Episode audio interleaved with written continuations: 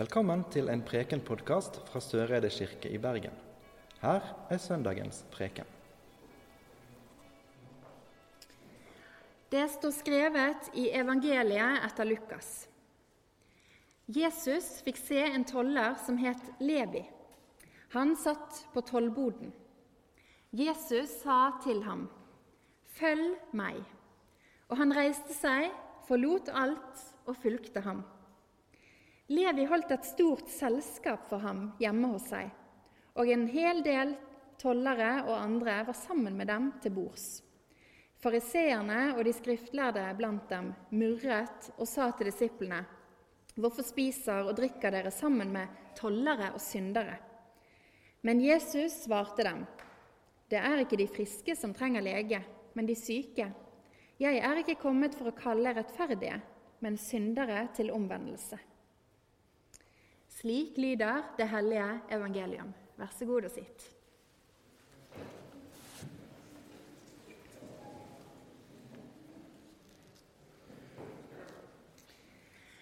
Hvem er det du vet om som er viktige? Hvem er det du vet om som er dyktige? Og hvem er det du kjenner som er verdige? Sånne spørsmål har fulgt oss mennesker siden tidenes morgen. Det er veldig lett for oss å skulle mene noe om alle andre, om hvem som er viktig, dyktig og verdig. Jeg gjør det ofte sjøl, hele tiden egentlig. Og jeg kan innrømme at jeg nok har tenkt sånne type tanker om alle andre enda mer hyppig i dette her merkelige året. Og Disse tankene her de kan bli ganske sånn altoppslukende.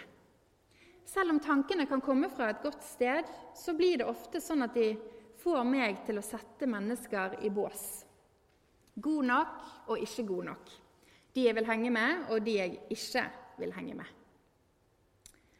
Levi, som jeg leste om, han var toller og jøde. Noe som var en uheldig kombinasjon. Det å være toller i Palestina på Jesu tid, det var en ganske ensom og upopulær stilling. Å være toller det innebar å kreve penger fra folk når de skulle ta med seg varer inn i byen. Tollerne i Palestina de jobbet for romerne, som okkuperte landet. Og Derfor så ble de ansett som eh, landsforrædere. I tillegg så var det lett for disse tollerne å utnytte systemet, sånn at mye av pengene de havnet i deres egne lommer. Og dette var en dårlig match med det å være jøde. Av sine egne, av jødene, så ble de ansett for å være religiøst uren. Og Derfor så ble sannsynligvis han her Levi holdt utenfor fellesskapet i synagogen og i tempelet. Og Pga. dette så ble han sannsynligvis òg utestengt fra både familie og tidligere venner. Det var nemlig en sånn mentalitet den gangen at de som var religiøst urein, de kunne smitte de som var friske, hvis de var sammen. Og det må ha vært både ensomt og sårt. Jeg kan tenke meg at Levi han må ha vært preget av denne her vanskelige situasjonen. Men plutselig en dag så står det altså en mann foran han i tollboden. En som så han for den han var, og ikke for alle de dumme gjerningene han hadde gjort. Jesus sa til Levi, 'Følg meg.' Og Levi reiste seg, forlot alt og fulgte Jesus. I dag er det mange av dere som sitter her, som skal i selskap. Dagen er en festdag. Og for de tre barna som er døpt, og for alle de som står dere nær så er det en festdag. Dagen er òg en festdag i kirken vår. Og Fortellingen om Levi den ender faktisk òg i et stort selskap. Levi svarte nemlig på Jesus sin kallelse ved å arrangere et stort selskap hjemme hos seg, med Jesus som en av mange gjester. Hit blant mennesker som samfunnet ellers så ned på.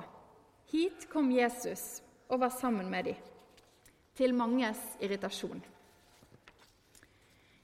Jeg syns at dette her selskapet det passer godt sammen med en dag der vi har dåp i kirken vår. For på samme måte som Jesus møtte Levi og så han for den han var, og ikke alt det dumme han hadde gjort, så møter Gud oss i dåpen og tar imot oss som den vi er, skapt og elsket. De som har blitt døpt i dag, har hele livet foran seg. De kommer nok til å gjøre noe dumme ting underveis, Sånn er det jo for oss alle. Men gjennom dåpen så har Gud lovet å alltid være hos dem, uansett hva de gjør.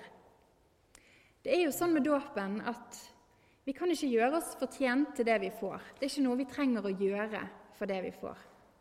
Vi bare får det fordi at Gud elsker oss og tar imot oss som sine barn. Og så kan vi, som Levi, vi kan følge Gud og invitere til selskap hjemme hos oss eh, sjøl, på en kafé, kanskje på en tur i naturen, eller kanskje over telefon eller skjerm. Denne våren og sommeren så er det mange som har vært kanskje ekstra ensomme. Og kanskje du kjenner noen som kunne trengt en sånn invitasjon. Ære være Skaperen, Frigjøreren og Livgiveren, som var, er og blir en sann Gud fra evighet til evighet. Amen. Du har nå hørt en Preken-podkast fra Søreide kirke i Bergen. Vi samles til gudstjeneste hver onsdag og søndag, og har ellers arrangement for alle aldre. Følg oss gjerne på Facebook og Instagram, eller finn oss på kirken.no soreide. Takk for at du hørte på. Inntil vi høres igjen, ha en god uke.